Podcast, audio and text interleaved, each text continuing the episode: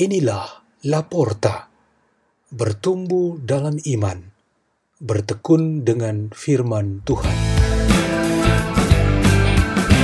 Bacaan dibawakan oleh Yovita Ardiani Widyaningtyas, Umat Gereja Santo Barnabas, Paroki Pamulang, Keuskupan Agung Jakarta, dan renungan dibawakan oleh Fransiskus Saverius Satimin, Umat Gereja Santo Barnabas, Paroki Pamulang, Keuskupan Agung Jakarta.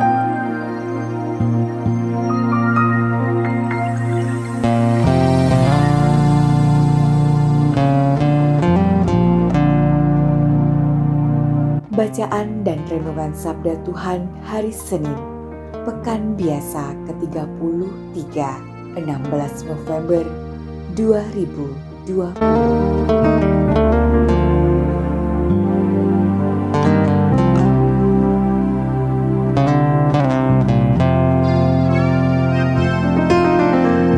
Pembacaan Injil Suci Tuhan kita Yesus Kristus menurut Lukas. Ketika Yesus hampir tiba di Yeriko, ada seorang buta duduk di pinggir jalan dan mengemis. Karena mendengar orang banyak lewat, ia bertanya, "Ada apa itu?" Kata orang kepadanya, "Yesus orang Nazaret sedang lewat." Maka si buta itu berseru, "Yesus anak Daud, kasihanilah aku." Orang-orang yang berjalan di depan menyuruh dia diam, tetapi semakin kuat ia berseru, "Yesus, anak Daud, kasihanilah aku." Maka Yesus pun berhenti dan menyuruh orang mengantar dia kepadanya. Ketika si buta itu sudah dekat, Yesus bertanya kepadanya, "Apa yang kau inginkan ku perbuat bagimu?" Jawab orang itu, "Tuhan, semoga aku melihat." Maka Yesus berkata, "Melihatlah, imanmu telah menyelamatkan dikau." Pada saat itu juga ia melihat, lalu mengikuti Yesus sambil memuliakan Allah.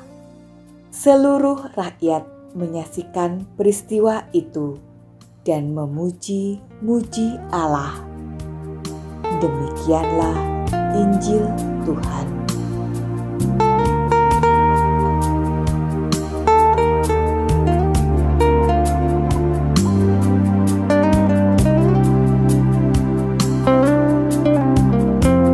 Tema renungan kita pada hari Senin Pekan Biasa ke-33 ini ialah Pertobatan memberikan penglihatan baru.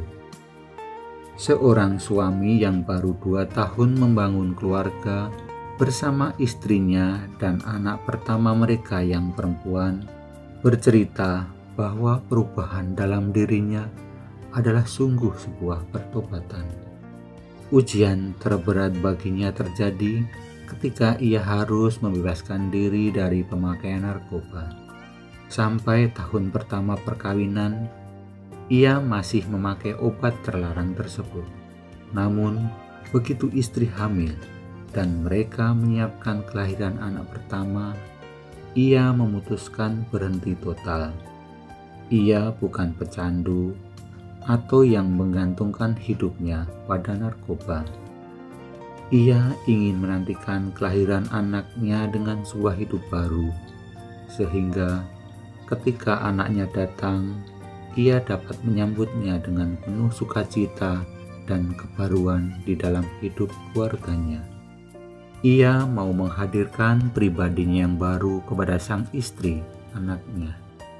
Pertobatan lelaki tersebut membuatnya dapat melihat dunia, keluarganya, dan khususnya dia sendiri secara baru. Ini dapat dikatakan sebagai kelahiran baru bagi dirinya. Kitab Wahyu dalam bacaan pertama memanggil orang-orang yang sudah terlalu lama dan jatuh ke dalam kenistaan hidup supaya bertobat. Kalau terlalu lama dan dalam, mereka menjadi buta sama sekali dan pengharapan suatu hidup yang baru. Mereka pasti tidak dapat melihat bahwa ada kehidupan baru yang lebih baik daripada yang sedang mereka alami. Faktor dosa, kejahatan, kelaliman menjadikan seseorang mati secara rohani. Kematian ini dapat disejajarkan dengan orang yang menderita kebutaan fisik yaitu matanya tidak bisa melihat apa-apa, sehingga ia tidak dapat melihat dirinya sendiri dan dunia sekitarnya. Pengalaman orang buta yang disembuhkan oleh Yesus dalam kisah Injil hari ini jelas menunjukkan bahwa si buta itu pada waktu yang tepat mendapatkan karunia kesembuhan sehingga hidupnya setelah mukjizat itu merupakan suatu hidup yang baru. Kebutaan fisik yang ada pada kita, khususnya beberapa orang di sekitar kita, tidak seharusnya membuat mereka menjadi yang terakhir atau terlupakan dari segala kemurahan Tuhan.